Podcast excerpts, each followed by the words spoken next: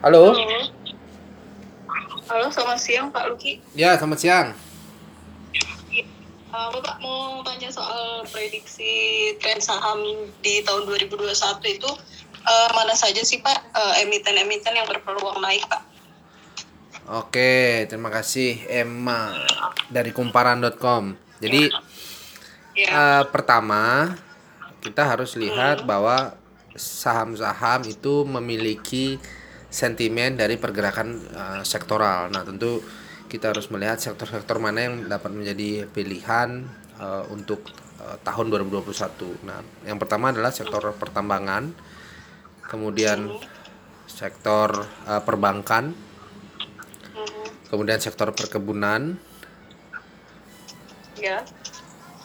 dan uh, yang terakhir itu adalah uh, basic industry atau industri dasar. nah, sentimen itu uh, apa dapat menjadi perhatian karena sektor-sektor tersebut memiliki underlying underlying itu seperti uh, sektor pertambangan Mhm. mengacu kepada eh, kinerja harga komoditi apakah itu harga minyak dunia ataukah harga emas, harga timah, harga barang tambang lainnya. Nah, kemudian untuk perbankan eh, kinerja mata uang terutama US dollar terhadap rupiah menjadi satu sentimen eh, yang menjadi perhatian utama untuk sektor perbankan. Kemudian untuk perkebunan eh, kinerja harga komoditi seperti CPO dan sebagainya itu menjadi uh, underlying kinerja sektor uh, perkebunan atau plantation. Kemudian untuk basic industry uh, sentimen dari pertumbuhan uh, PDB, kemudian angka kinerja uh, ekonomi itu menjadi salah satu sentimen yang berhubungan sama sektor uh, basic industry atau industri dasar. Nah, itu jadi empat sektor yang menjadi pilihan untuk tahun 2021. Nah, kita akan masuk kepada topik berikutnya yaitu saham-saham pilihan yang mewakili sektor tersebut. Yang pertama untuk sektor pertambangan adalah emiten-emiten yang memiliki kapitalisasi yang cukup besar yaitu Adaro Energy dengan kode ADRO, kemudian PTBA, eh, Tambang Batubara Bukit Asam, kemudian Aneka Tambang atau Antam, kemudian berikutnya adalah PT Timah atau TINS, kemudian eh, berikutnya itu emiten-emiten yang ada dalam lingkungan eh, energi antaranya adalah perusahaan gas negara atau eh, pegas. Ya, kemudian berikutnya untuk perbankan kita masih melihat eh, emiten-emiten yang memiliki kapitalisasi besar, terutama own state eh, government eh, atau BUMN antaranya adalah em, Bank BRI, Bank Mandiri dan Bank BNI. Kemudian Bank BCA sebagai emiten korporasi atau emiten swasta yang mewakili kapitalisasi eh, sektor perbankan.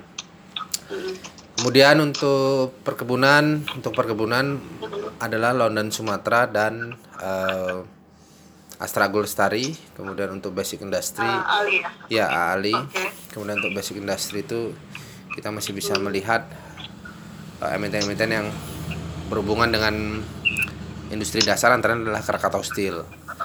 Nah, sebagai sebagai alternatif kita bisa melihat emiten yang bergerak di sektor miscellaneous industry antara lain adalah atau aneka industri adalah Astra eh, Internasional atau ASI.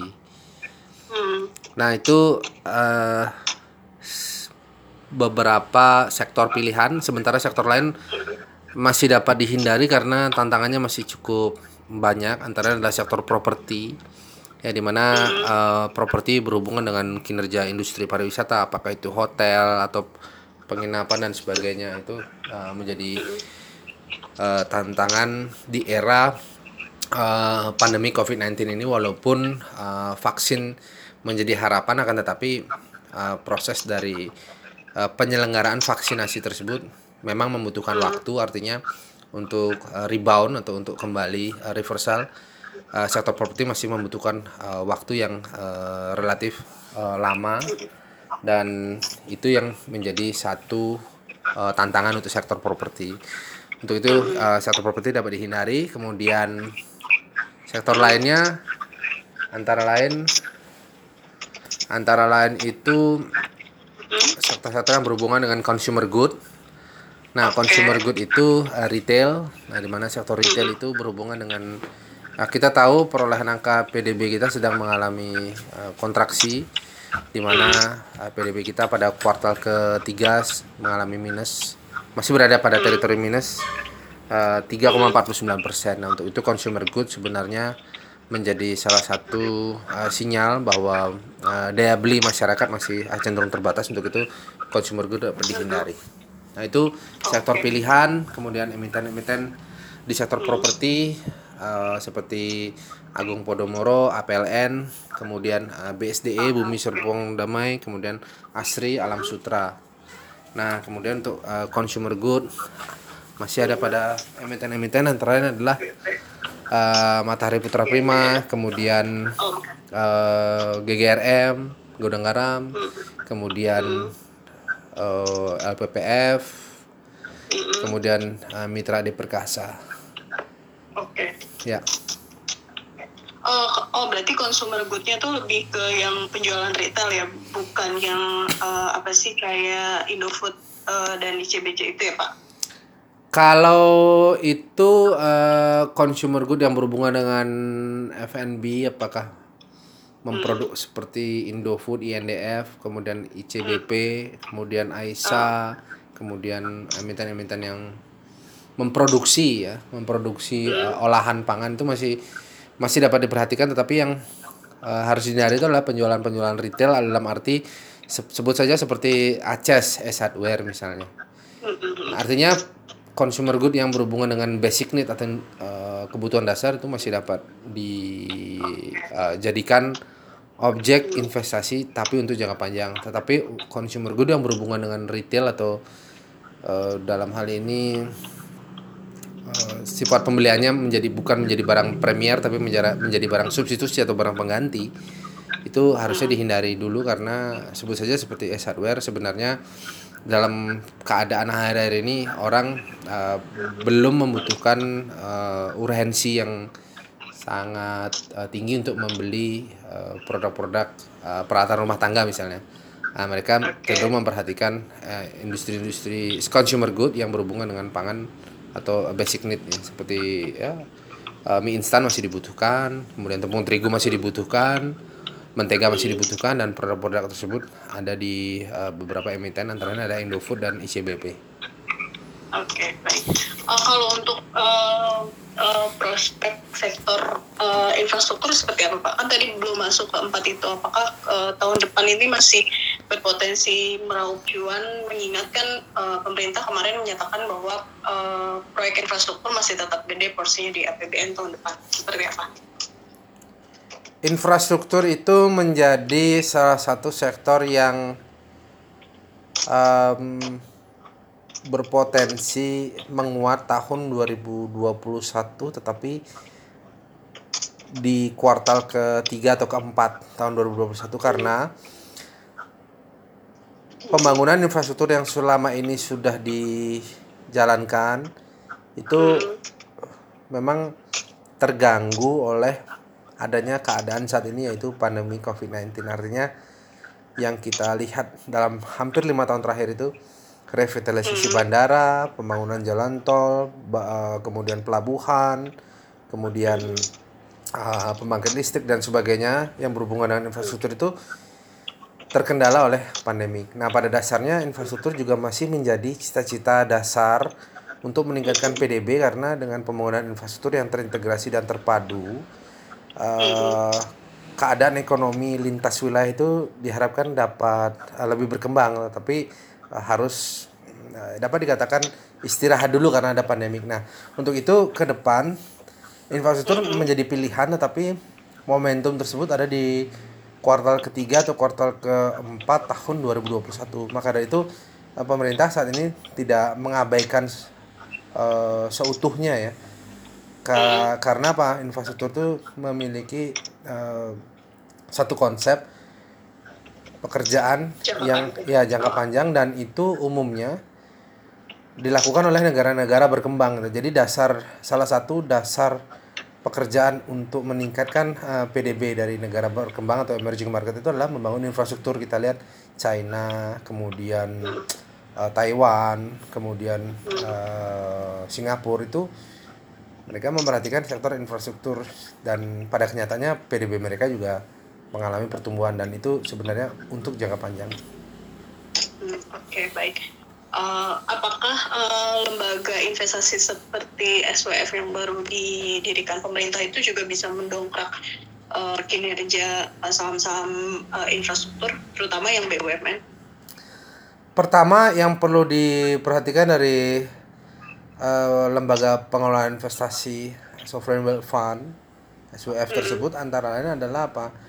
Bagaimana melakukan restrukturisasi uh, kinerja fundamental atau kinerja keuangan dengan adanya uh, pandemi ini gitu. Jadi uh, dengan situasi saat ini ada beberapa sebut saja persoalan hutang. Bagaimana melakukan restrukturisasi hutang agar uh, para pelaku usaha di sektor infrastruktur yang ada di lingkaran BUMN itu dapat melakukan restrukturisasi hutang karena pada dasarnya baik bank BUMN yang meminjamkan uang atau uh, bersifat sebagai uh, debitur dan perusahaan infrastruktur yang bersifat sebagai kreditur itu memiliki uh, tanggung jawab yang sama yaitu apa?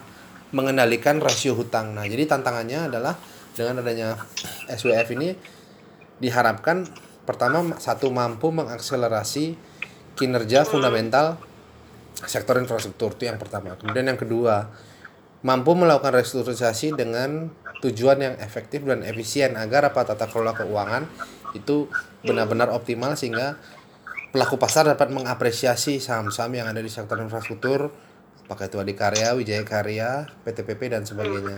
Kemudian dengan adanya SWF ini benar-benar diharapkan dapat meningkatkan PDB kita yang saat ini memang dalam masa kontraksi.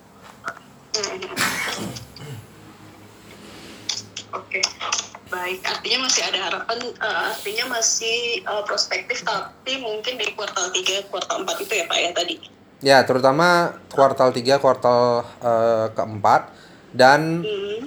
uh, karena sovereign wealth fund ini bertujuan uh, secara identik untuk meningkatkan kapitalisasi hmm. ya kapitalisasi hmm. pasar atau valuasi uh, kinerja ekonomi atau kan kondisi ekonomi maka memang harus dipilah mana saja sektor-sektor yang menjadi skala prioritas gitu. Menurut saya itu sektor yang menjadi skala prioritas itu adalah sektor perbankan.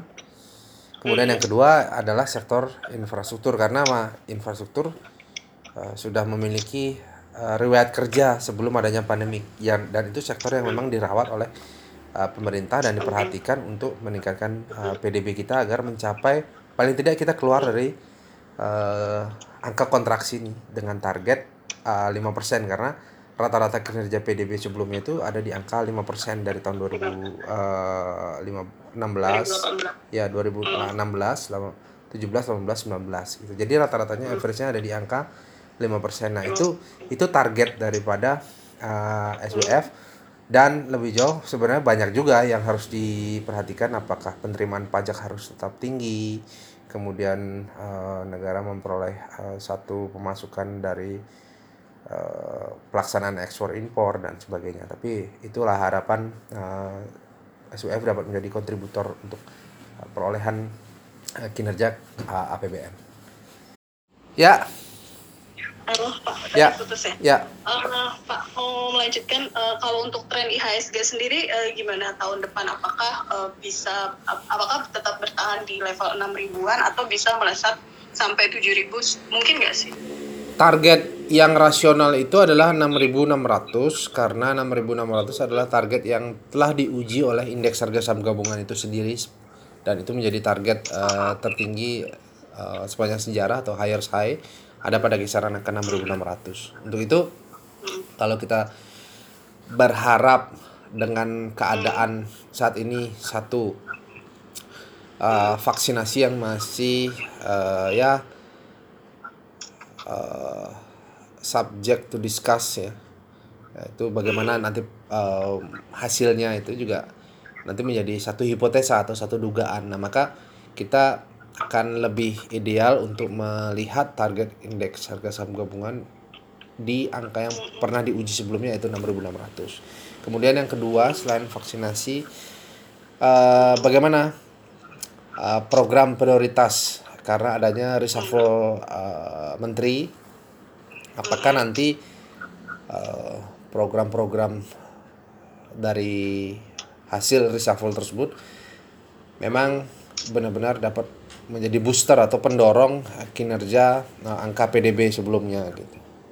Kemudian berikutnya uh, yang ketiga itu apakah memang kinerja ekonomi lintas negara seperti yang kita ketahui Joe Biden baru terpilih di mana Amerika juga menjadi mitra kerja atau mitra dagang Indonesia. Kemudian uh, bagaimana kebijakannya terhadap uh, Indonesia karena kita tahu Indonesia memiliki mitra dagang potensial antara lain adalah Amerika, Eropa, kemudian China. Bagaimana hasil daripada kebijakan-kebijakan lintas negara yang ada di uh, G20 atau G7 itu apakah benar nanti dapat mendorong uh, kinerja indeks uh, ke level 7000 saya kira kita harus kembalikan kepada rasio pendekatan yang memang sudah dialami oleh indeks harga saham dengan target 6600. Tapi uh, mungkin gak sih ada potensi uh, bisa balik lagi ke 5000? Potensi untuk ke 5000 itu kalau kita bobot ya, kita ranking dari 100% berapakah potensi tersebut terjadi itu 40%. Kalau kita mau bobot pakai uh, parameter persentase. Jadi peluang untuk naik itu sebenarnya lebih besar uh, dan okay.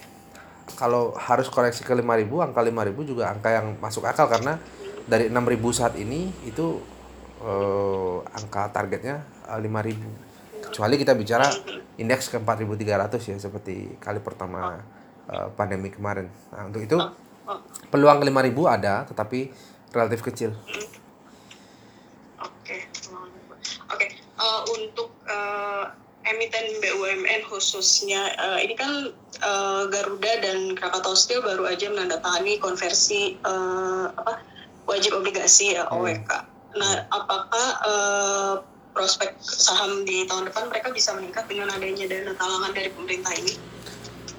Uh, karena dana talangan itu masih bersifat uh, hmm. apa satu kewajiban ya bagi hmm. emiten maka itu sebenarnya hmm. tidak uh, signifikan untuk jangka panjang karena apa pun itu yang disebut talangan itu hmm. berarti apa uh, swap ya kredit swap. Jadi pengalihan uh, tata cara uh, hutang atau pinjaman uh, kewajiban gitu. Nah untuk itu uh, ini tidak signifikan kecuali memang uh, kinerja emiten tersebut memang memiliki kinerja yang sangat perform dan uh, sangat agresif. Sehingga hasil daripada kinerja emiten yang memiliki uh, dana talangan tersebut memiliki potensi untuk menurunkan rasio hutang gitu. Jadi uh, konsep daripada talang dana talangan itu bisa jadi dapat menurunkan rasio hutang atau dapat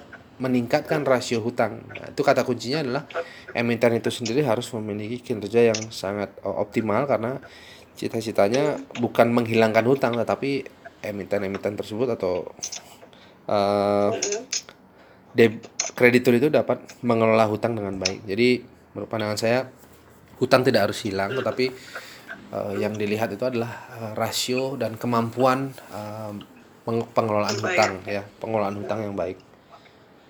Oke okay, baik. Um, terakhir soal oh, IPO BUMN uh, IPO uh, perusahaan-perusahaan tahun depan itu gimana? Apakah uh, tahun depan itu bisa jadi momen untuk uh, perusahaan IPO terutama kan uh, sejumlah anak usaha itu uh, berencana untuk IPO walaupun tanggalnya belum dipastikan. Gimana Pak prospeknya? Untuk prospek IPO tahun depan itu saya kira masih cukup baik ya karena mau tidak mau uh, tentu dari aspek ekonomi kemudian dari aspek investasi dengan situasi seperti ini pada dasarnya banyak eh, satu keadaan ekonomi yang berada dalam kondisi under value atau di bawah nilai pasar akibat koreksi yang eh, terjadi sebelumnya. Bahkan indeks sempat berada pada level 4.500 4.700. Nah, untuk itu eh, IPO justru harusnya dilakukan pada kuartal eh, pertama tahun 2021 karena itu adalah uh, momentum untuk uh, rebound dan uh, reversal baik dari aspek ekonomi dan saya perkirakan target pertumbuhan ekonomi ke depan itu ada pada kisaran angka setelah kemarin minus 3,49 persen selanjutnya adalah minus 2,5 dan uh, ketika melewati dari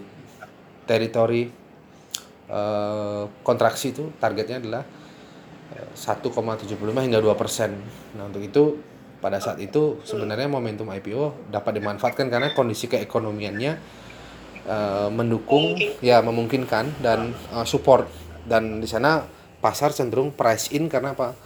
Uh, ketika kondisi ekonomi membaik nah tentu banyak perusahaan yang ingin meningkatkan uh, valuasi pasar dan situ uh, kondisi price in itu uh, dapat ditemukan oleh emiten-emiten yang mempersiapkan dirinya untuk IPO. Oh, Oke, Eh, oh, siap-siap berarti em, berarti berarti terbuka lebar ya untuk untuk bisa mencari modal di tahun depan bagi Ya. eh, perusahaan-perusahaan yang mau uh, go public. Ya, terutama kuartal 1 dan kuartal kedua 2021. Oke siap. Eh, Pak terakhir eh, untuk sektor farmasi itu eh, masih tetap prospektif nggak ya oh, di tahun depan eh, mulai dari produsen obat-obatan sampai jarum suntik. Uh, farmasi itu bersifat dif- sektor yang defensif ya. Jadi uh, kinerja sektor farmasi itu memang farmasi itu menjadi satu uh, emiten atau satu sektor ya yang dapat dikatakan um, memiliki fundamental yang relatif solid. Tetapi karena fundamental yang relatif solid, uh, volatilitas sektor farmasi itu cenderung uh, lebih rendah. Karena apa? Karena um, ya tipikal orang untuk melakukan transaksi di sektor tersebut, baik uh, real asset dan paper asset itu cenderung average atau cenderung berada pada kisaran rata-rata. Misalkan ya, oke kita mengkonsumsi uh, obat, oke kemudian kita mengkonsumsi uh, nutrisi dan sebagainya itu menjadi satu kegiatan reguler. Nah untuk itu apabila ingin mematikan sektor farmasi, maka sektor itu dianjurkan untuk uh, transaksi jangka panjang karena apa? Nilai vol tingkat volatilitasnya itu relatif rendah. Oke. Oke. Oke, jadi selain sektor eh, consumer good eh, basic need itu yang bisa jadi investasi jangka panjang tuh farmasi juga bisa jadi pilihan ya karena volatilitasnya tadi yang rendah. Ya, ya, betul. Jadi uh, harus mulai dikelola sektor manakah untuk jangka pendek, menengah, dan panjang. Nah, untuk farmasi itu jangka panjang sifatnya. Oke, Eh, terima kasih eh, Pak Luki atas penjelasannya.